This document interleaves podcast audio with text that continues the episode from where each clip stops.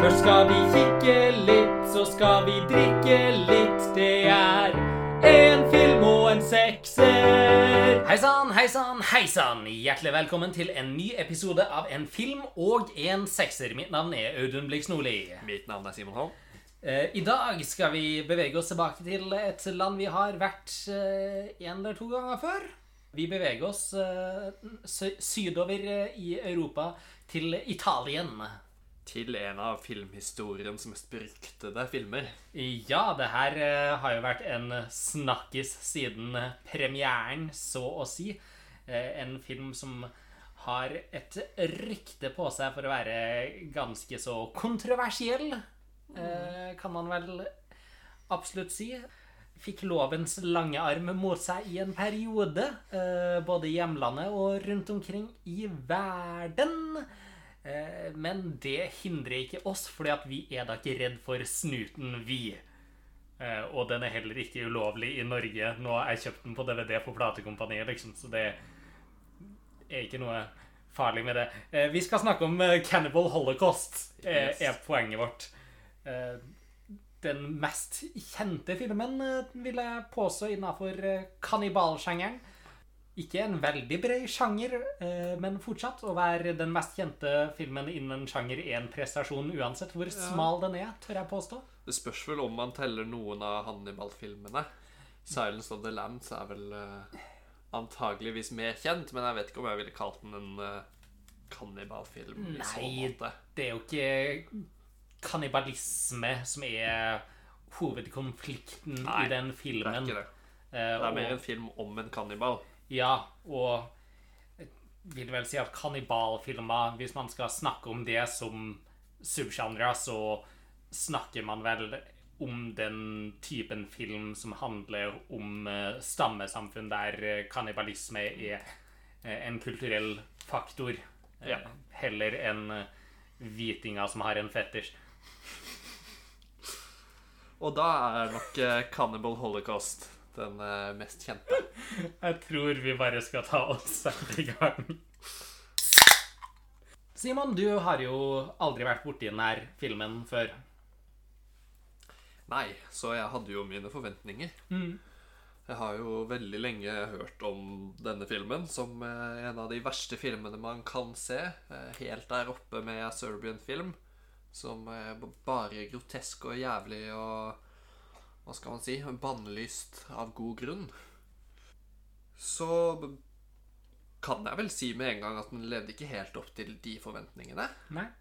Jeg syns ikke den var så Altså, kanskje på sitt mest groteske at den var så grotesk som jeg forventa, men jeg trodde at det skulle være mer uh, Gjennomgående. all the time. Mm. Uh, altså og Ja. Hele tida helt jævlig. Og det var det jo ikke. Det For veldig store deler av denne filmen er jo Altså PG-13. Så levde ikke helt opp til forventningene hva brutaliteten angår. Nei Nei, det, det gjorde den ikke. Men eh, som film så er den nok omtrent på det nivået jeg håpte den skulle være, eller trodde den skulle være. For jeg syns jo den er bedre enn sitt rykte. Og det blir jo etablert egentlig eh, i løpet av de første 20 sekundene, fordi den har jo en sånn metacritic rating på 20 eller et eller annet sånt, og er jo jevnt over ganske forhatt av veldig mange. Men så fort filmen begynner, og man hører soundtracket, så er det jo umulig å kalle det en dårlig film. Ja, vi kan jo snakke om denne åpningssekvensen, for det er det vi gjør best her i podkasten. Altså, som du trekker frem det her soundtracket, hovedtemaet til denne filmen er jo så vakkert. Det er det her fantastiske lyriske synthesizer-temaet oppå en akustisk gitar eh, som bare forsterker alt som skjer på skjermen.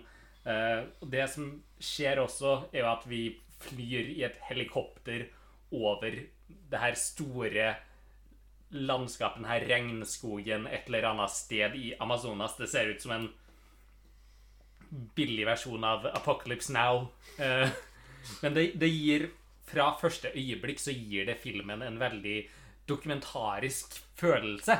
Ja, og det er jo shaky cam med en gang her.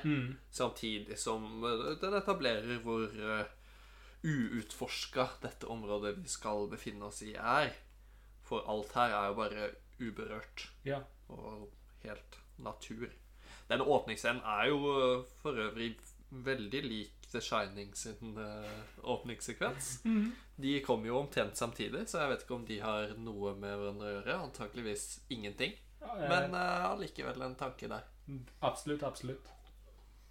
Når vi har kommet oss gjennom det her, så beveger vi oss inn i filmens hovedtematikk. Eller, filmen her er jo egentlig komplett todelt. Ja. Vi har en del eh, hvor en antropolog beveger seg inn i jungelen for å søke etter et dokumentarcrew som har forsvunnet. Eh, hvorpå andre del eh, er tilbake i New York, eh, hvor han og et TV-studio ser over klippene som det her dokumentarcrewet filma før de ble drept ute i jungelen. Så på et vis så vil jeg si at den her var veldig forut for sin tid med bruken av found footage, og at det er så sentralt som det er. For at det ble jo ikke noen norm før typ Blair Witch Project på slutten av 90-tallet. Nei. Eh, og denne filmen kom i 1980, så den er jo veldig tidlig ute med det her. Eh, og det Den gjør det godt også Det gjør den. den har, de her klippene har en veldig, veldig dokumentarisk feeling.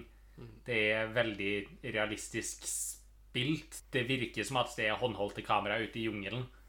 Det, eller det er jo det også, for så vidt. Eh, men det er tydelig at det ikke er noe pynta på det her. Men når det er sagt, så hadde jeg faktisk en forventning om at dette, eller denne filmen skulle belage seg enda mer på denne found footage-strukturen. For det, når man får denne eh, introduksjonen fra denne TV-reporteren av hvem disse folka er som har dratt ut i jungelen for å undersøke disse stammene, så forventa jo jeg at man bare skulle følge deres reise på et eller annet vis, eller at man nå med en gang befant seg i den situasjonen at man hadde funnet footage og skulle vise det. Men det tar jo en ganske annen vending fordi de med en gang bare heller sier ja, de er savna, så nå må denne professoren eh, dra dit og prøve å finne de. Så den vrir litt på forventningene her, at det blir ikke et så straight forward innrammingsdevice her. Nei. Uh, og altså, jeg vil jo si at det her med professoren uh, som drar ut for å få tak i de her klippene, er jo filmens rammefortelling, kan man si. Det er det. Eh, og det er en rammefortelling som får veldig mye tid. Ja, for det, det er jo fortsatt en rammefortelling. Det er bare Jeg forventa på en måte at det skulle være to minutter av det i begynnelsen, og så hele fan-footage Kanskje noe innimellom av noe annet, og så en liten avslutning. Men det er det jo absolutt ikke. Nei. Men igjen så vil jo jeg også påstå at den her ramma som er satt opp, også gir den nødvendige kontrasten mellom en antropolog som bryr seg om faget, dog han av og til fremstår som veldig uvitende og uprofesjonell, egentlig, men det er tydelig at han bryr seg om faget som en kontrast mot de her uh, opportunistiske uh, filmskaperne. Ja, absolutt. Uh, så som, som framing device på det viset så føler jeg at denne fortellinga også er viktig. Kan sies at det brukes litt for mye tid på det, men det er igjen også en rimelig kortfilm med Ja. hele denne rammefortellinga også. Ja, for det er jo en film som veldig godt kunne vært kortere. Faktisk, selv om den bare er så vidt over 90 minutter. Men det er jo veldig forståelig at de vil gjøre det til en spillefilm. Eller en featurefilm. Ja, du snakka om nyhetsreportasjen her eh, fra starten, og allerede her så får vi jo litt innblikk i filmens hovedtematikk. Eh, om det her med hvite folk som reiser, rundt, reiser ut i jungelen for å dokumentere såkalte eh, savages, eller villmenn, eller primitive, mennesker. Og den her nyhetsankeren som forteller historien, har en veldig sånn hvitemannsbyrde-attitude til hele det her arbeidet. Ja. Eh, kommer veldig tydelig eh, fram allerede i den her eh, første scenen i filmen. Det er også en veldig sånn Til å være en tilsynelatende dokumentarisk nyhetsreportasje, så er den veldig sensasjonalistisk. Det er, de legger veldig vekt på hvor modige og kule disse hvite folka er som drar på denne reisen. og det er ikke noe upartiskhet her. Det er veldig tydelig hvilken rolle de tror de hvite folka kommer til å spille. Og sånn må det jo bare bli, fordi det er god TV. Og det er en type fortelling som passer inn i deres verdenssyn. Ja, så absolutt. Og så beveger vi oss jo inn i jungelen, og her går vi vekk fra den her dokumentariske stilen i de neste sånn 30-40 minuttene av filmen. Eh, for å følge den her antropologen på hans reise gjennom jungelen, og for å eh, finne ut hva det er som har skjedd, og eventuelt få tilbake enten folkene eller i hvert fall opptakene deres. Eh, og vi introduseres for guiden hans som skal ta han gjennom regnskogen. Og det er sjeldent at jeg har hatt så lyst til at en karakter skal dø som den her guiden, ass. Fy faen for en macho drittsekk. Det, er- det er voldsomt, liksom. For ikke å snakke om at han bare har tatt en slave. Eh, etter at eh, han og soldatene hans har massakrert eh, en del av stammen som bare sitter og koser seg rundt et leirbål og får i seg et måltid, liksom. Så nei, jeg hadde ganske øyeblikkelig veldig, veldig lyst til at han skulle dø. Ja. Sånn ganske øyeblikkelig også. Han er jo også veldig opptatt av at uh, antropologen på ingen måte skal hjelpe denne slaven. At uh, hvis han uh, skulle omkomme i jungelen, så er det bare sånn naturen gjør det. Mm. Og man kan ikke bruke kreftene på å hjelpe noen andre enn seg selv. Nei, I hvert fall ikke noen under sin stasjon. ja, for da, naturen er veldig sånn at når hvite menn kommer inn med maskingevær, så, så må noen underkaste seg. Det, det er veldig naturens gang, det. Det er det. Ja. Gleder meg til det sitatet blir tatt ut av kontekst. Der var min karriere ut av vinduet. Vi kan jo snakke litt i hvert fall om tonen som settes her med en gang. Fordi Og det, det går jo på mange ting. Det går på manuset, og det går på eh, fotoarbeidet og alt. Men kanskje aller mest går det på skuespillet. For dette blir en veldig sånn Nesten mockumentary-følelse. Fordi det er veldig tydelig sånn pornoskuespillerkvalitet her.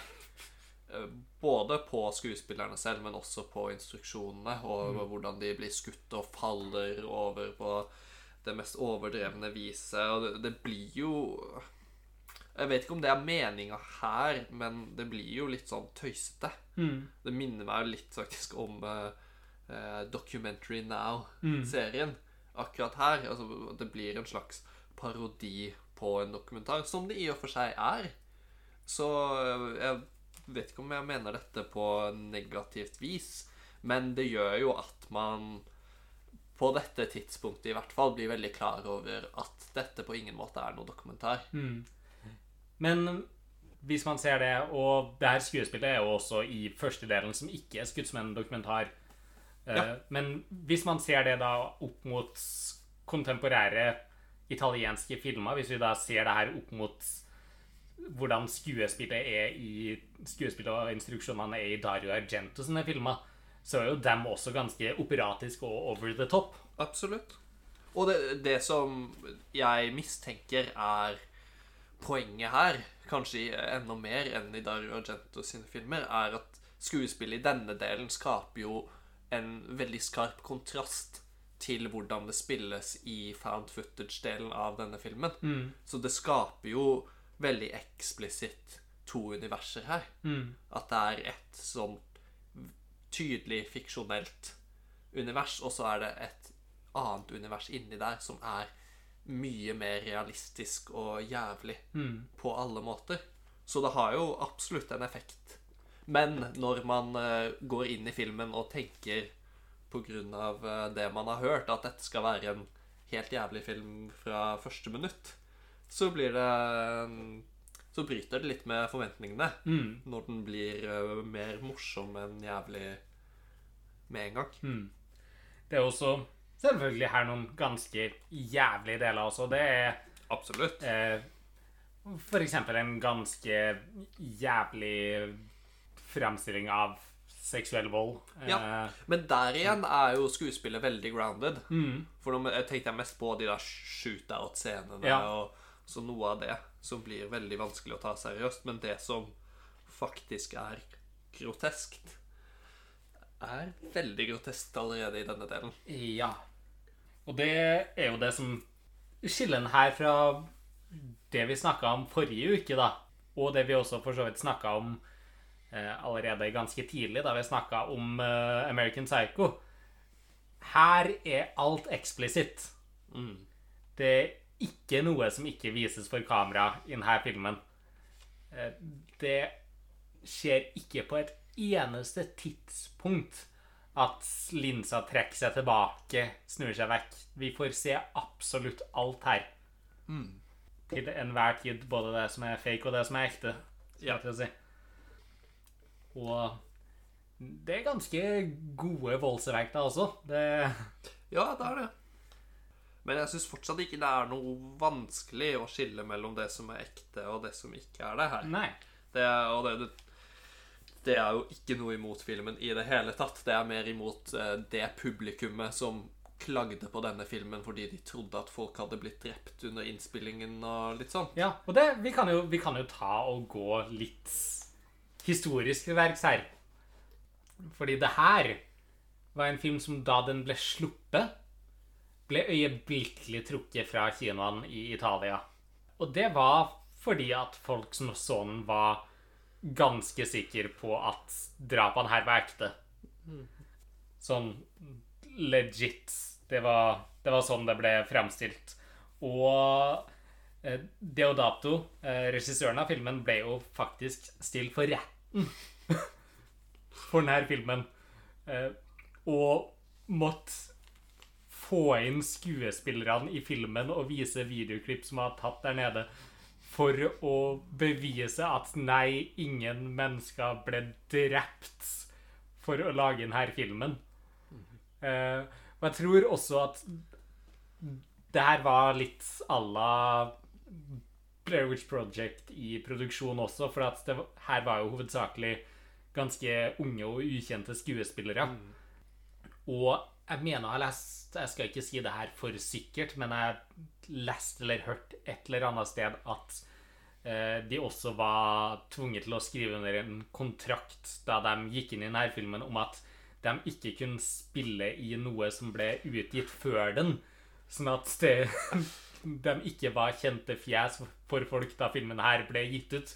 For å igjen legge ekstra på den her realistiske følelsen av det. Så det, det legger et par ekstra lag på eh, hvor ekte det føles da, når det igjen ikke er kjente fjes som, eh, som dukker opp på skjermen. Det hadde vært en helt annen følelse hvis det var Leonardo DiCaprio som var der oppe, liksom. Men siden det her var folk ingen noensinne hadde sett før, og ingen visste hvem var, så var det jo mye mer troverdig at det her var folk som faktisk hadde blitt drept ute i jungelen og filma og nå ble vist på kino. Ja. Og det må jo så klart sies at eh, de som så denne filmen på kino, hadde ikke konteksten som jeg har. Verken når det kommer til denne filmen i seg selv, fordi jeg var jo veldig klar over at eh, ingen skuespillere hadde blitt drept her, men også at etter hvert som eh, teknologien har utvikla seg, så blir det jo lettere og lettere å skille mellom hva som er filmtriks, og hva som eh, ikke er i æraer som dette. Så det er nok eh, forsvarlig at noen av de folka så på dette som ekte, men samtidig så er det noe naivt. Det syns jeg. Det kan jeg gå med på. Har du noe særlig mer å tilføye fra det som skjer i jungelen, eller skal vi bevege oss tilbake til New York og opptakene? Vi kan jo påpeke igjen at dette blir en veldig mye mer eh, slow-paced film enn det jeg forventa. Altså uavhengig av hva som er gore og ikke. Bare at dette ble en sånn faktisk noe troverdig eksplorasjon av jungelen Ja. Eh, i denne seksjonen. At det der Noe av det er helt jævlig og grotesk, men mye av det er bare at de vandrer rundt og prøver å bli kjent med stammene, og det er alt som skjer. Ja, og altså Det er jo det første delen på mange måter er også det nærmere den gode, gamle dokumentarfilmen, liksom der Hva er det nå det heter? Ethnographic eh, dokumentarfilm, liksom. Eh, typ The Nook of the North, Ja. eh, kan man si. Det er jo til tider behandler ikke stammene så bra, men det, for det aller meste så prøver de jo å skaffe en relasjon med dem. Og det er mye mer det denne delen handler om, Ja. eh, enn å utøve vold. Og igjen så fører det til en tregere pacing i denne første delen, men igjen så setter jo det også det her opp som en kontrast mot andre delen av eh, filmen. eh, som jeg syns at det gjør ganske effektivt. Og må jo også si at det er jo fantastisk at de spiller inn på location på sånne her steder. Ja. Altså, det er så mye arbeid å gjøre det, men det er jo vakkert å se på. Det er det. Det er så mye god skutt å si scenografi, men det er jo ikke scenografi, det er bare natur. Det er så deilig å se litt fin natur, liksom. Å se Og faktisk bli tatt med til en del av verden de færreste ser gjennom livet sitt. Ja, så denne filmen, selv om den på ingen måte er det, eller engang egentlig utgir seg for å være det, har jo noen dokumentariske kvaliteter. For den tillater oss å komme tett innpå ikke nødvendigvis et ekte ursamfunn, men samtidig et ursamfunn. Ja. Jeg, jeg vet ikke om det var faktum i denne filmen, men jeg vet at ofte i denne bølgen med italienske eh, kannibalfilmer så brukte de delvis i alle fall faktiske stammefolk i de områdene der de spilte inn og inngikk avtaler med dem, liksom. Ja, det det- virker veldig sånn, i hvert fall. Så det, jeg, jeg skal ikke si noe spesifikt om denne filmen, men det var i hvert fall en trend i denne bølgen med filmer at de gjorde det. Så det er godt mulig at de faktisk gjorde det. Dog det er jo instruert, selvfølgelig. Så det er ikke et ekte innblikk på noen måte. Det er det ikke. Eh, Men det er jo en veldig effektiv måte de skaper et eksotisk miljø. Ja, det blir jo litt på samme måte som en eh, fiksjonsfilm om kjendiser. Så det er ikke nødvendigvis en tro representasjon av virkeligheten, men det er fortsatt et innblikk i en eh, type hverdag som man vanligvis ikke får oppleve. Og noe av det er jo dratt ut av virkeligheten. Men det er jo ikke denne første delen folk snakker om Cannibal Holocaust for.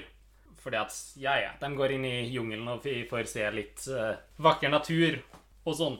Men det er jo nå når de kommer tilbake til New York og skal se over det her eh, dokumentarmaterialet som det her teamet har laga, det er det her filmen er kjent for.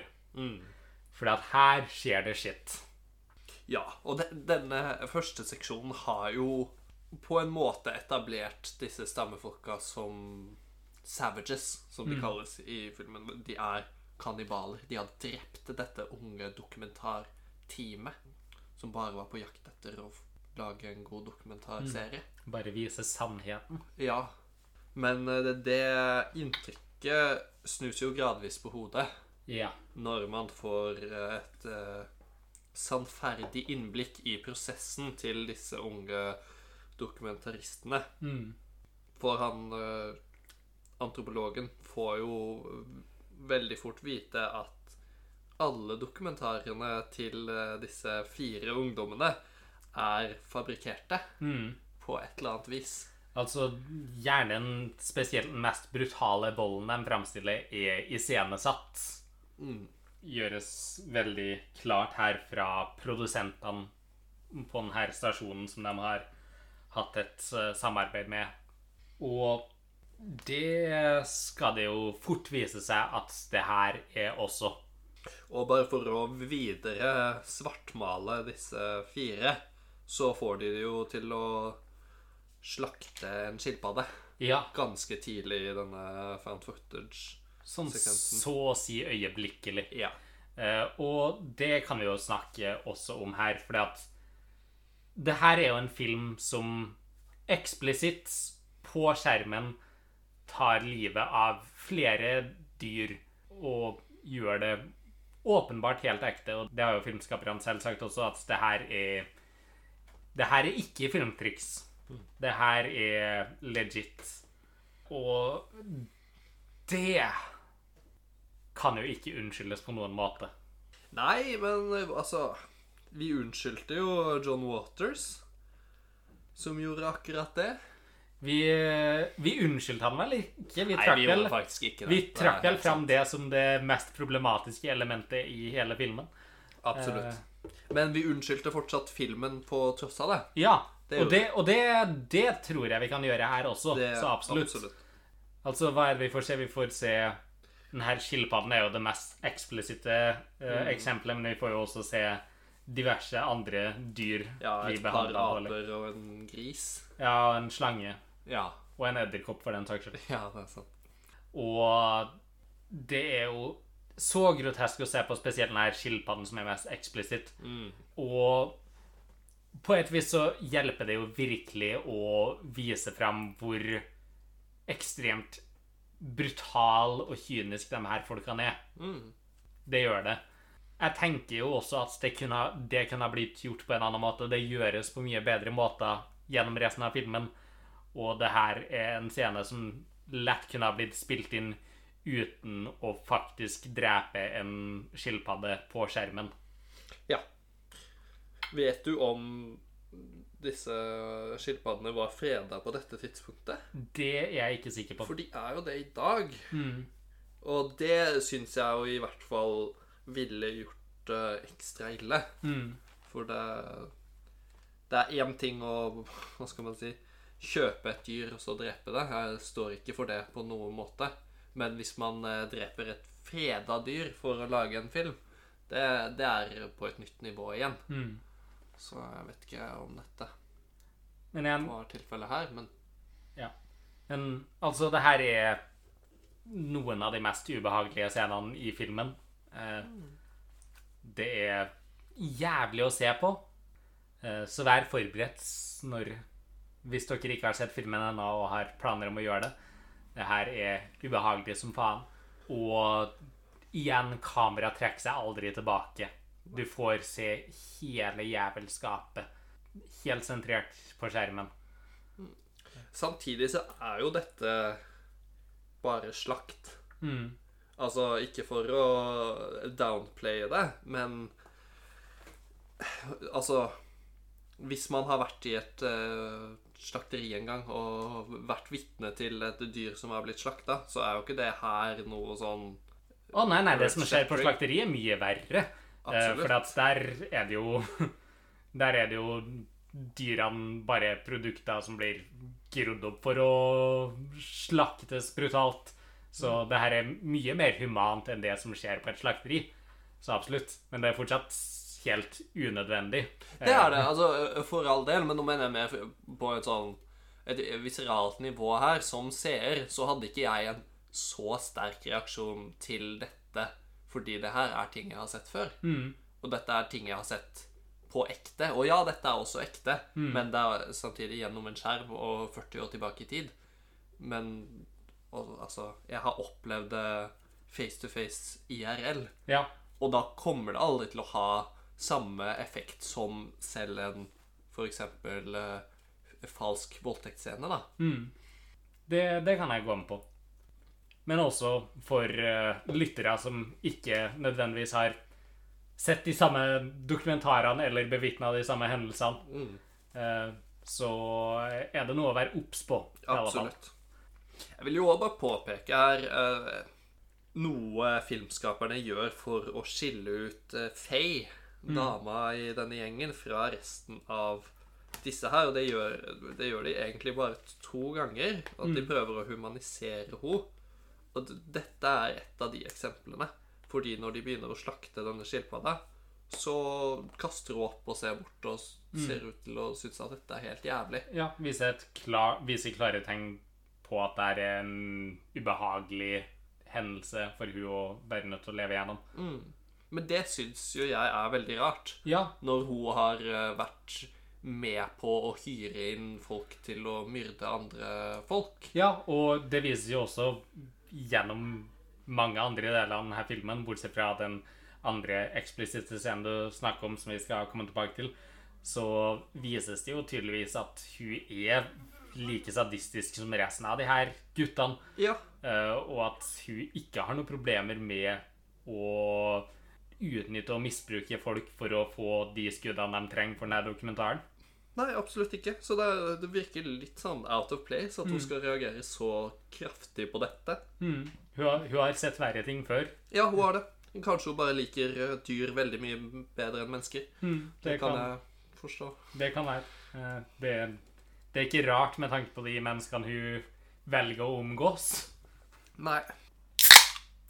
Nå begynner vi å bevege oss til de enda mer jævlige sekvensene i filmen, nå som de faktisk kommer i kontakt med den her stammen de skal oppsøke. For her skjer det virkelig groteske ting. Altså, for det første, ved første møte så velger de jo bare å skyte en fyr i leggen, sånn at han kommer til å løpe saktere, og dermed kan de følge han tilbake til, til oppholdsstedet deres. Hvor kynisk går det an å bli? Det er helt groteskt. Det funker. Det gjør det. Det det er en effektiv metode, men uh, igjen så klar indikasjon på ja, hovedtesen i denne filmen. Uh, som states mange ganger også i løpet av denne filmen. Og det liker jeg. De holder ikke tilbake på hva det er de mener her. Nei. Før de kommer til landsbyen der, og det første de gjør, er å jage alle folkene inn i en bygning og brenne den ned med dem inni den. Og denne scenen er for meg kanskje en av de mest effektive også.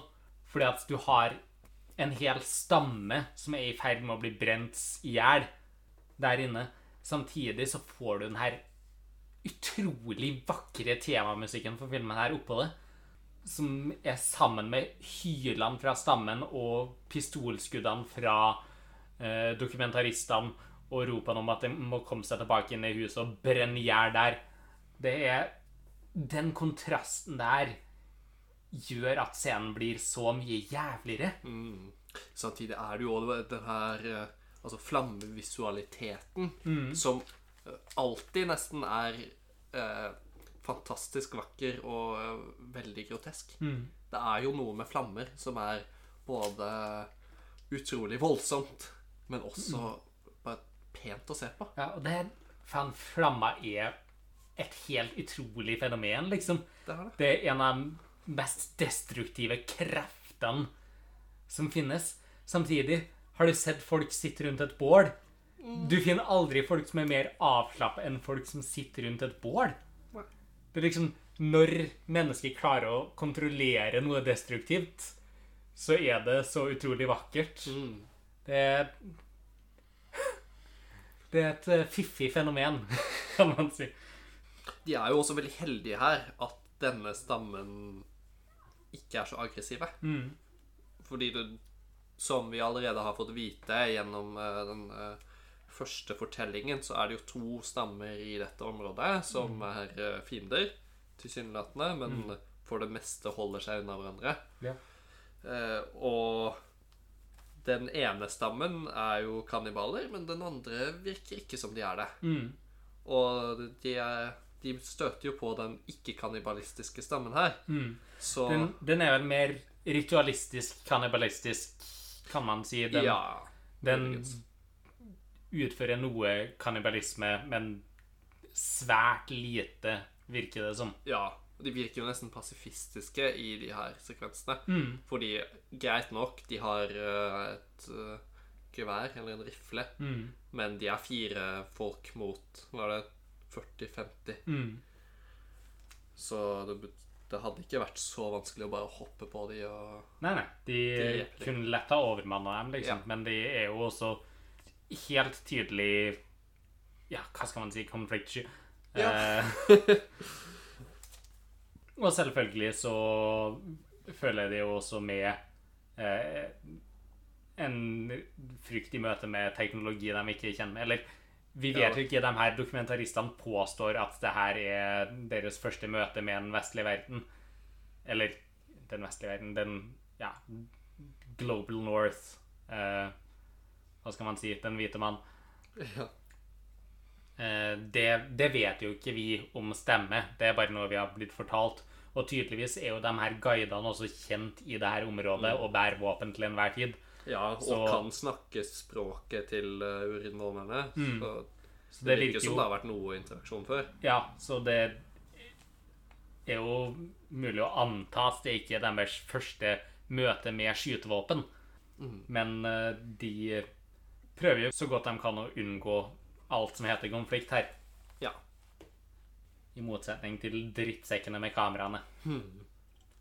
Og denne sekvensen følges jo opp av tidenes kjipeste sexscene. Men herregud.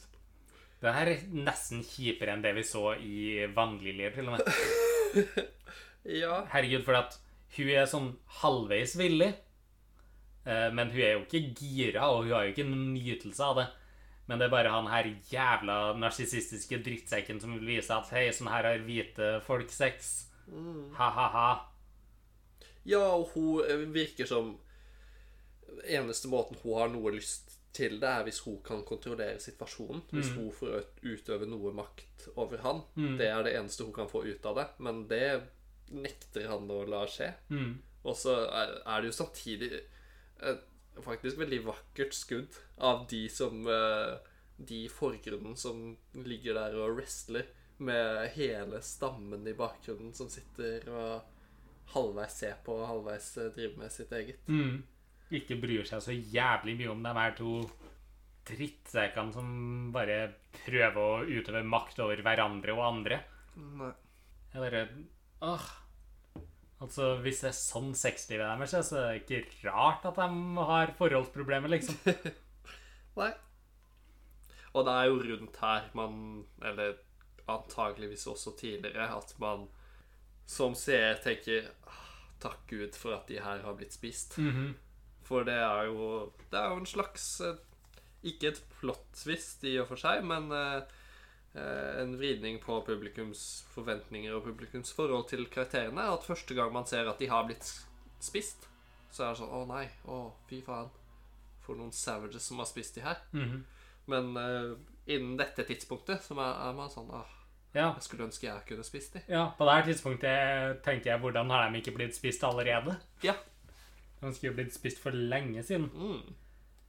Den her scenene eh, intercuttes jo med mer klassiske filmscener som foregår rundt den her professoren og TV-produsentene eh, som driver og skal sette her sammen til eh, en dokumentar. Og her får vi også en veldig klar kommentar på hvor kynisk underholdningsbransjen faktisk er.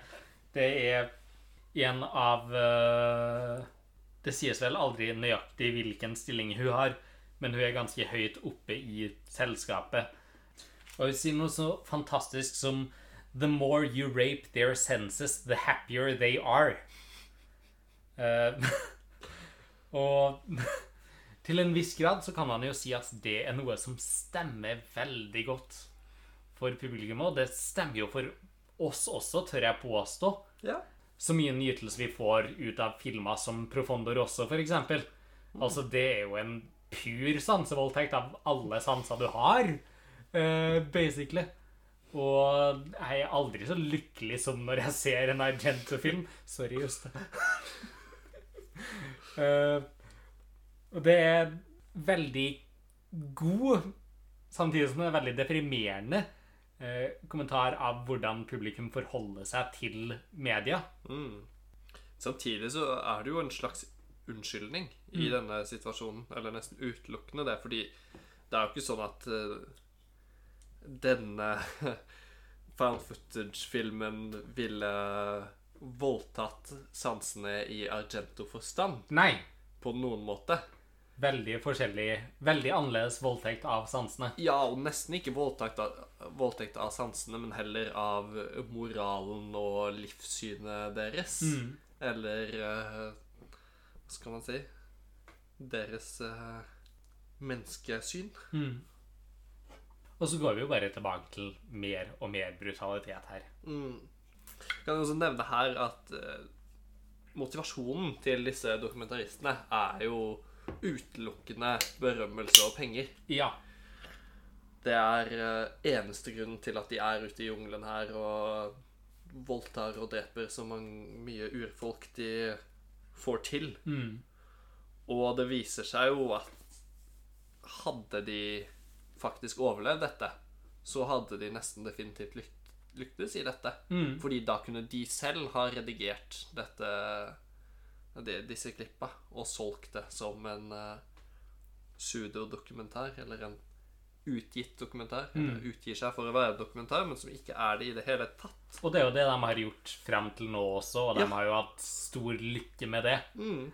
Eh, og ja, igjen, så Tematikken i denne filmen er veldig klar, liksom, og en av de her tematikkene er jo søken etter kjendisstatus og hva folk er villige til å gjøre for det.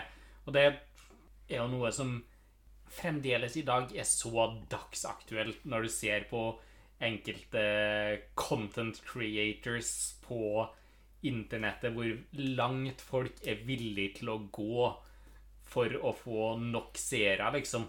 Jeg mener Jeg føler ikke så mye eh, med på hva som eksisterer av populærkultur på internettet, men jeg har jo fått med litt av hva f.eks. de her Jake-brødrene driver med på eh, YouTube, eh, som er ganske ekstreme og fæle saker, egentlig, for å få nok klikk på videoene sine. Mm. Så som en samfunnskommentar så funker denne filmen minst like bra i dag som den funka tilbake på 80-tallet. Kanskje bedre til og med i dag, siden, eh, siden internettet og smarttelefoner har gjort muligheten til å bli kjendis så mye større og åpna opp så mye mer.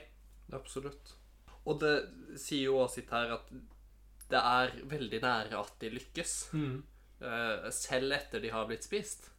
Fordi helt fram til den, den siste biten av found footage vi ser, så er jo disse TV-produsentene veldig overbevist om at dette skal vi vise. Dette skal vi klippe til en fordøyelig dokumentar og vise til folket. Og dermed gi disse dokumentaristene den eh, kjendisstatusen de har lyst på, selv om de er døde. Så det er jo bare jævlig trist. Og det, ja, som sagt, det er jævlig nære ved å skje. Bortsett fra at uh, vår gode venn professoren den eneste som har klart å sitte seg gjennom alt materialet og kreve at de her produsentene ser gjennom alt før de tar en beslutning. Ja. Eh, fordi at, han- som han påpeker, til og med ikke engang eh, klipperne på stasjonen har orka å se gjennom alt fordi at det er så jævlig. Og det vi får se der på slutten, er jo ganske så jævla dritt. ja. Og noe av det er så dritt at jeg ikke engang skjønner hvordan de filma det i denne filmen.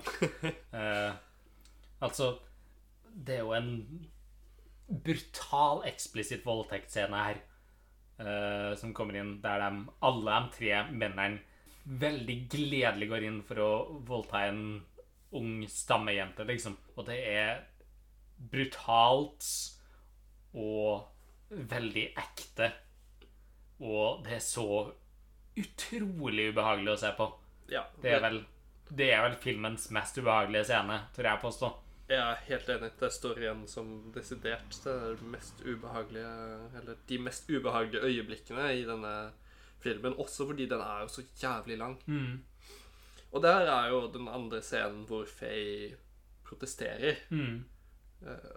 Men man kan jo stille spørsmålstegn ved hvorfor hun protesterer her. Mm. Fordi det første hun protesterer mot, er jo at de filmer. Mm. Fordi det her, er ikke, det her kommer de ikke til å gi ut i dokumentaren sin uansett, så det er ikke verdt å kaste bort film på det. Mm. Og så virker det jo etter hvert som hun blir mer såra fordi kjæresten hennes har sex med en annen dame, enn at det faktisk er en voldtekt, voldtektssituasjon av en ung kvinne. Ja, nøyaktig. Så igjen, eh, kanskje et forsøk på å humanisere litt, men det er jo tydelig at motivasjonene hennes ikke er empati overfor denne unge, unge kvinnen. Absolutt ikke. Så det er jo et mye svakere forsøk enn den uh, skilpaddeoppkasten hennes. Mm. Så til syvende og sist her så står jo alle fire igjen som helt jævlige mennesker som jeg var lykkelig å se bli spist til slutt. Ja, fy faen, takk Gud for at de er døde. Mm. Det, det, det er få karakterer i filmen her føler at så, i så stor grad fortjener døden sin. Mm. Og de skal jo dø, takk Gud. Og det er jo en ganske, ganske kjapp sekvens der alle dør, eh, som også viser tydelig at de på ingen måte bryr seg om hverandre. For at de er veldig opptatt av å filme hverandres dødsfall. Ja. Eh. Det virker jo nesten her og som de ikke bryr seg om seg selv. Og det, det kan jeg jo faktisk ha en viss beundring for. At på et visst nivå så bryr de seg mer om kunsten enn sitt eget liv. Ja, men Bryr de seg om kunsten, eller bryr de seg om den kjendisstatusen det her skal bringe dem? Det, det, er et gyldig spørsmål. Det, ut ifra det de har sagt tidligere, så er det jo ikke kunst de er ute etter å skape. De er ute etter å skape et produkt som kan forhøye navnene deres. Ja, men på et eller annet tidspunkt der så har de nok. Ja, ja, selvfølgelig. Så de kunne ha bare dratt av gårde Men-. Men hvis du har muligheten til å filme såkalte savages drepe en hvit mann, så er du mye mer forhøya enn alt det materialet de tidligere har spilt inn, noensinne kan gi dem. Ikke Ja. sant? Og spesielt når de får, dem, får vise dem drepe en hvit kvinne. Ja. Det Det bringer deg opp eh, på det høyeste nivået du kan få. Og det vil jeg også si med denne avslutningsscenen. At det er veldig mye større fokus på Faye sin brutale slutt. Eh, altså, de tre mennene her Vi får se dem liksom bli drept så vidt. Mens Faye, der er det en lang sekvens med både seksuell vold og brutalt drap og halshugging, liksom. Og det er veldig Det føles veldig unødvendig og fetisjisert eh, her, og det ut ifra taktikker vi har sett brukt av det her samme folket tidligere, så virker det ikke som det her er noe som de ville ha gjort. Det her føles mer som et filmskapervalg for å skape en dramatisk sekvens enn å skape noe som kan virke som en realistisk historie. Så her kommer vi jo inn mer på feministisk filmteori igjen, da. Eh, om, om the male gaze, og at vi gjerne vil se Hvis vi skal se noen straffa, så vil vi gjerne se en kvinne brutalt straffa her. ja, men man kan jo òg snu det til motsatt ende og si at denne scenen er grunnen til at de har prøvd eh, noe halvhjerta, men fortsatt prøvd å humanisere Faye. Mm. Fordi det at dette er den lengste og mest brutale drapsscenen, eh, tror jeg jo skal på et visst nivå gjøre publikum ukomfortable. Ja, men igjen så går jo det imot noe av hovedtesen til denne filmen. Ja.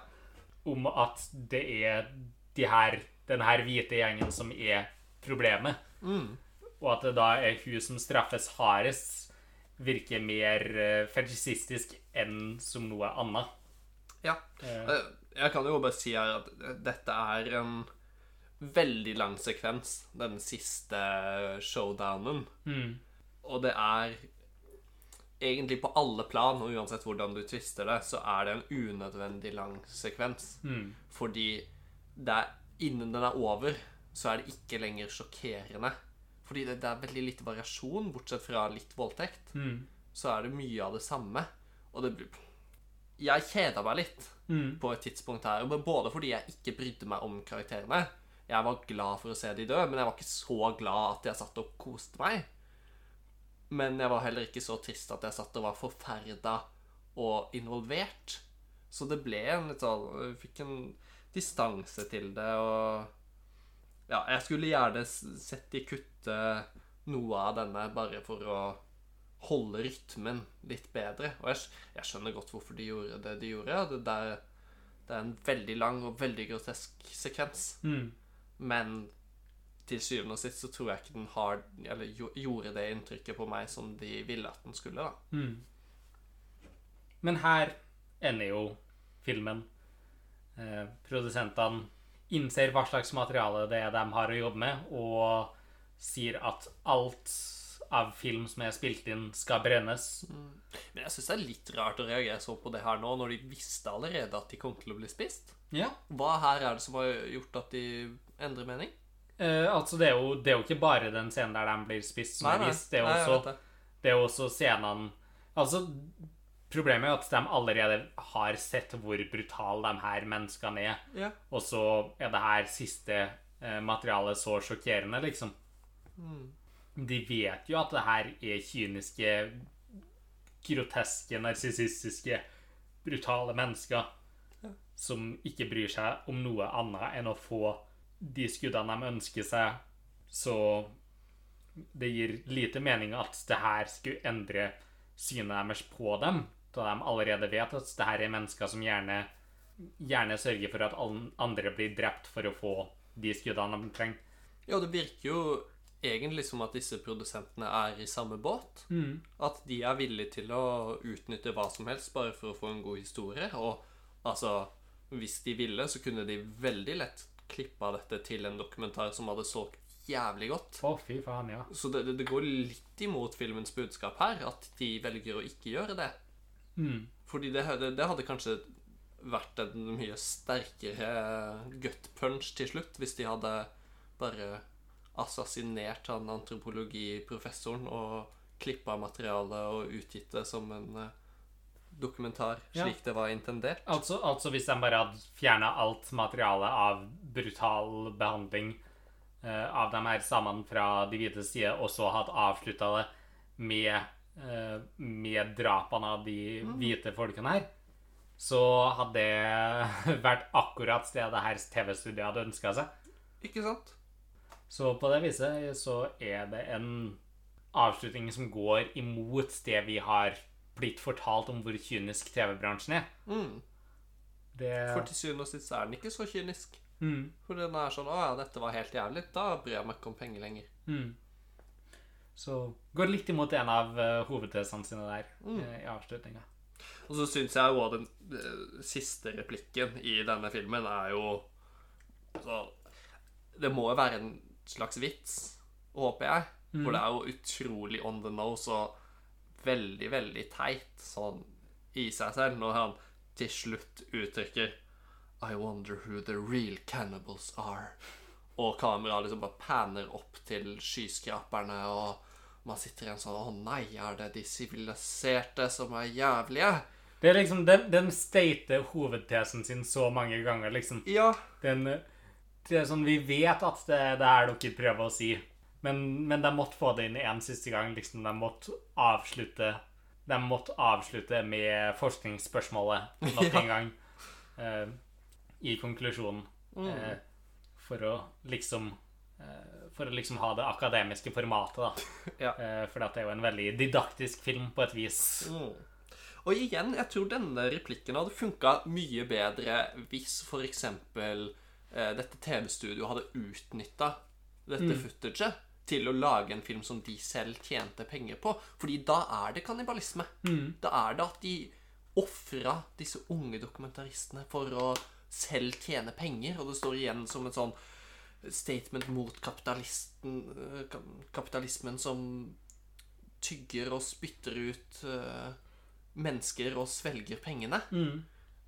Men når ikke det skjer, så hvem er det han mener er kannibalene her? Ja, Er det de For som han, har har allerede, han har jo allerede påpekt at det her filmcrewet er savages. Ja, Ikke sant? Så det, det virker som et litt sånn miss opportunity og litt unødvendig til syvende og sist å Ja. avslutte på denne måten. Det, det går jeg veldig mye med på. Mm.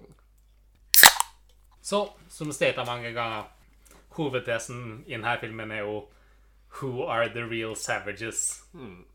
Og filmen eh, argumenterer jo veldig godt for at det er Det er hvite folk som drar ut i jungelen og dreper og voldtar og misbruker andre folk.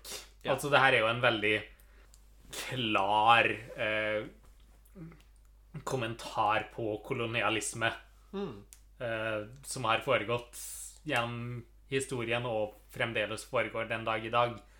Det er jo ikke noen annen måte å tolke denne filmen enn i den retninga. Nei, nei, absolutt. Eh, så tenk å spørre deg, da, som har sett den nå for eh, første gang, føler du at den får til å fremstille og underbygge det her budskapet på en eh, god måte? Ja og nei, fordi det, det virker jo litt som det den sier, at noe kolonialisme går bra så lenge det er med gode intensjoner. Mm. det er det den første halvdelen av filmen er.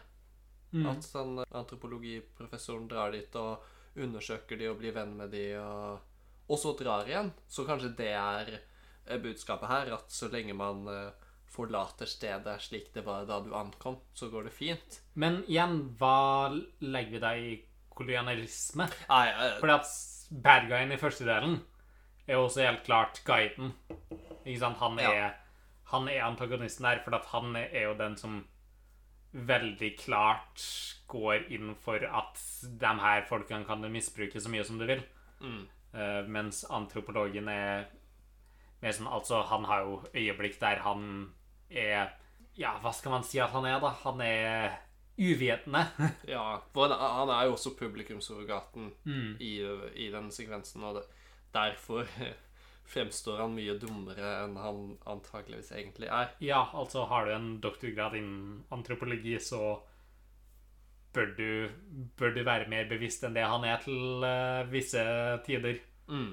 Uh, men igjen, hans funksjon der han er, så er jo han mer som en gjest enn han er som en Både som en inntrenger eller som en uh, colonizer.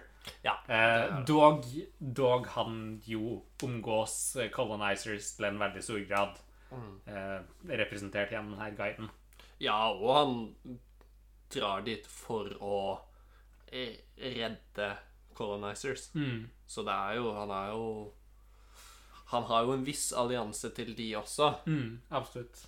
Men eh, jeg Jeg ser jo den at det, det, det er virkelig den Skal man si det, det er kolonialismen som uh, kritiseres her, og hans rolle ligger jo noe utafor akkurat det. Så det Akkurat det lykkes det jo i.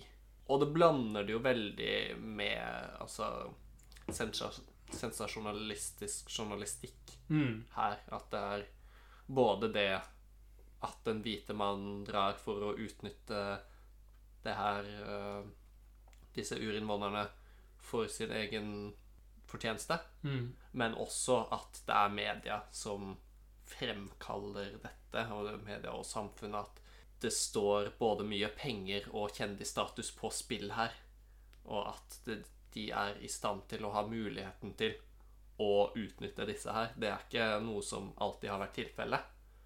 Fordi de drar jo ikke hit for å kolonisere. Mm. De drar hit for å få en god film ut av det. Hvis det hadde vært på 1700-tallet, så hadde de aldri dratt hit. Fordi det Mm. hadde ikke vært noe å tjene. Så det, det blir jo en sånn tosidig kritikk. Både Mm. mot kolonisering, men også at uh, koloniseringen insentiveres av uh, mediesamfunnet. Ja, og også så er jo det en moderne form for eh, kolonialisme. Mm. Eh, en annen måte eh, At det ikke nødvendigvis bare er naturressurser eh, og som, som er insentiv for, eh, for å kolonialisere, men også i denne formen media, da. Mm. Selvfølgelig. Man må også si at det her er en utrolig interessant film for tida, eller ikke denne filmen bare spesifikt, selvfølgelig denne filmen også, men den bølgen denne filmen kommer i. Fordi at det er jo Altså, det er jo ikke Den kan jo ikke trekkes i sammenheng med eh, de forskjellige bølgene innenfor kunstfilmen som kom i eh, Europa på denne og rundt denne tida. Det her er jo åpenbart en exploitation-film. Og har dermed mye til felles med sine amerikanske fettere uh, innafor den eh, typen sjangerfilm. Men samtidig så er det en film som aldri kunne ha kommet ut av det amerikanske systemet. Rett og slett fordi amerikanske filmskapere aldri kunne ha funnet på å dra ut i jungelen og tilbringe måneder ut i jungelen for å spille inn en film. enn at Tenk på det arbeidet og det slitet og alt det ubehaget som gikk inn i å skape det her verket, liksom. Altså Uansett hvor hardt Hollywood-filmen på denne tida prøvde å etterligne exploitation-filmen, så var det aldri noen i USA som noensinne tenkt Hei, la oss stikke ut i regnskogen i et par måneder og spille inn en film om kannibaler. Det er en så ekstremt exploitation-film utafor det amerikanske studiosystemet som du får det, liksom. Eh, og det håndverket som går den, Det håndverket og den dedikasjonen som går inn i å skape det her, er jo helt ekstremt. Ja, og vi kan jo snakke litt om det tekniske her. Vi har allerede nevnt musikken, som er helt fantastisk. Men det er jo noe med eh, altså, filmtrikset, spesialeffektene her, Ja. som er utrolig imponerende for en film av dette budsjettet. Mm. For ja, man ser kanskje at når de eh, graver inn i magen til et menneske, at det ikke er menneskeinnvoller som kommer ut, men man ser det ikke så godt Mm. som man skulle tro man gjorde. Og det ja. Fun fact, eh, den scenen der eh, antropologen eh, spiser fra magen til et menneske, så en så en dokumentar som var på DVD-en. Det er sånn her for første gang. Og det viser seg at det var magen fra et svin. Men han var jødisk og korser og spiste derfor ikke svin. Så de festa en liten bit med biffkjøtt på svinet som han tok og spiste. Sånn at de kunne spille inn scenen, og det samtidig kunne være korser for han. Eh, bare en liten fun fact fra filmen her. Uh, som, som jeg setter pris på. Uh, veldig, veldig godt at de liksom er, er koselige med hverandre, liksom, og Ja. liksom tar vare på hverandre og hverandres behov og hverandres ønsker. Og, ja. Det er en ganske holdsom film, egentlig. ja. Det har aldri blitt sagt om Cannibal Holocaust før. Vi kan jo snakke litt, eller returnere litt til ryktet denne filmen har på seg. Mm. Fordi at jeg tror i hvert fall at hvis denne filmen kom i dag, så hadde den aldri blitt så kraftig avskydd Mm. som den ble da. Noe av det går jo bare på spesialeffektene. Og, altså, de hadde jo åpenbart blitt oppdatert, men jeg tror det er veldig mye større aksept for en sånn her type film, og eh, for at en sånn her type film ikke har noen ting med virkeligheten å gjøre. Mm.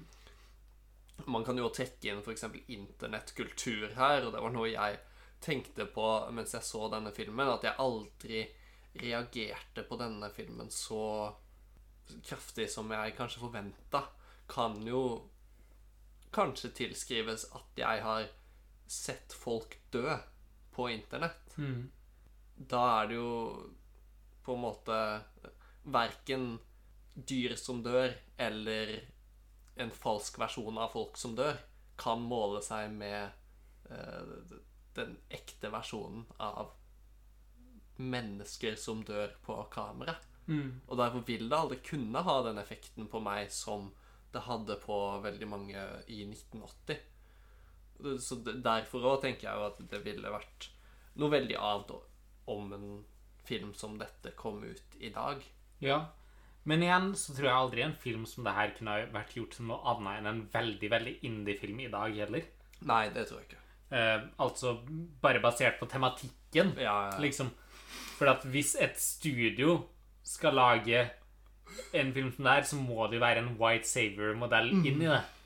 Altså, så selv om volden som skjer på skjermen, ikke nødvendigvis er veldig slående den dag i dag, så er jo tematikken og det som faktisk framstilles, fortsatt ekstremt, til og med sett fra dagens standarder. Mm. Altså Hostel er kanskje jævligere å se på, men hvis du faktisk ser på det som ligger rundt det, så er Hostel mild i forhold til det her. Mm. Alt det som fremstilles visuelt, hadde ikke vært noe problem å få gjennom i dag. Altså, det, det, er såpass mye det tror jeg na ikke. det er såpass mye nakenhet i denne filmen at de kunne ha slitt litt eh, med å få en rating. Eh, men, men tematikken kunne aldri skjedd, skjedd i en storfilm. Nei, og det er jo også fordi at hvis et studio hadde lagd denne filmen, så hadde de jo nødvendigvis kritisert seg selv. Og det ville de aldri gjort. Så jeg, jeg tror absolutt på det at eh, produktet i seg selv kunne veldig fint blitt uh, lagd i dag. Jeg tror ikke det hadde hatt et eh, Jeg tror ikke det hadde bydd på like sterke reaksjoner som da den kom, men det måtte ha vært en Altså type et studentfilmprosjekt. Det, men det kunne godt ha skjedd. Eller en ultra-indie. Mm. Sånn så langt utafor systemet som du får det, liksom. Ja, eller bare altså, en renspikka kunstfilm. Kunne jo gått i disse baner i dag. Jeg vet ikke, jeg tenkte vi skal bevege oss avsluttende. Ja. Det er ikke så mye mer, i hvert fall. Nei. Har du noen avsluttende tanker, Simon? Uansett hvordan man vrir og vender på det, så er jo dette en film som gjør inntrykk. Enten det er tematikken eller det visuelle. Og jeg skal ikke komme her og si at jeg ikke ble påvirka av eh, noen av disse scenene her, for det er helt jævlig å sitte gjennom til tider, selv om den aldri helt levde opp til eh, skal man kalle det hypen som eksisterte fra før av. Men det var nok både fordi det er en såpass gammel film at det skal godt gjøres å oppnå den, det nivået av ubehag, men òg fordi det er en film jeg har hørt om så lenge, og som bare har vokst og vokst i hodet mitt, hvor jævlig den skal være. Så derfor var det et umulig oppdrag å leve opp til det. Men jeg er veldig imponert over det tematiske, og egentlig hele rammefortellingen her er mye mer både relevant, men òg eh, gjør mer inntrykk enn jeg forventa at den skulle. Fordi jeg trodde at dette kom til å bli en mer sånn straight exploitation-film. Bare 'Dette er jævlig, se på det i 90 minutter', og så glem det. Men det- ble jo noe ganske annet enn det. Det blir en, en salig miks av eh, både helt jævlig visualitet, men samtidig helt nydelig musikk og eh, noe av eh, fotoarbeidet her og er helt fantastisk. Og en tematikk som er sterk og relevant og viktig, sånn jeg oppfatter det. Så det, det, det blir en, eh, en veldig blanda opplevelse å se, se denne filmen, men eh, på ingen måte en negativ opplevelse. Hva med deg? Det er vel en stund siden du har sett den nå? Eh, ja. Jeg så denne filmen for første gang for ganske nøyaktig tre år siden. Det var da jeg fortsatt spiste kjøtt, og da satt jeg og spiste et par burgere mens jeg så den her. Ikke anbefalt i det hele tatt. Eh, men da jeg hadde sett denne filmen, så tenkte jeg jeg er veldig glad for at jeg så denne filmen en gang. Og har ikke noe behov for å se den igjen. Men så bydde jo sjansen seg for å spille inn en podkastepisode om filmen, og jeg kunne jo ikke unngå det. Og det er ikke en behagelig filmopplevelse på noen måte. Eh, Men det er absolutt en film som bør sees. Og det er en film som så lenge det systemet vi lever under i dag, med kapitalisme og kolonialisme, og det medielandskapet som eksisterer i dag, forblir, så kommer denne filmen til å være relevant og viktig. Og den er tidvis jævlig å se på. Det er scener i denne filmen som jeg ikke vil anbefale. Og spesielt hvis folk har traumer eh, rundt eh, ting som voldtekt, seksuell vold, så er jo dette en film man absolutt bør unngå. Fordi den inneholder mye av det, eh, og vi vil absolutt ikke være noen som anbefaler folk å eh, gå gjennom traumatiske øyeblikk på en usunn måte. Eh, Så det her er en anbefaling som kommer med veldig mange content warnings, kan man si. Eh, Men det er fortsatt en film som er så ekstremt viktig og relevant, og tar opp så jævlig mye ting som fortsatt skjer den dag i dag, at det er en film som bør være omdiskutert for noe, noe mer enn at den er brutal. For at den er fortsatt satans viktig. Eh, og det er det den bør huskes for, framfor at en skilpadde blir drept, som igjen Helt unødvendig å faktisk drepe dyr på film. La være å gjøre det hvis du er en up and coming filmskaper som lytter til det her. Ikke driv og drep dyr på filmen for å skape sjokkfaktor. Du kan gjøre det på andre måter. Men det var jo veldig mye mer enn ting på dette tidspunktet Absolutt. enn det er i dag. Absolutt. Takk Gud for det. Eh, men det er en film som faktisk bør huskes for det den prøver å si. For at det den prøver å si, er satans viktig og satans relevant. Eh, hvis du ikke har noe mer, så tenker jeg at vi bare skal takke for oss for aftenen. Ja. Som alltid jævlig trivelig å snakke med deg og snakke til dere. Eh, Vi setter pris på at dere fremdeles kommer tilbake og hører på to unge hvite menn som snakker om det de syns om filmer. Og jeg tenker at vi bare skal si skål, da. Skål!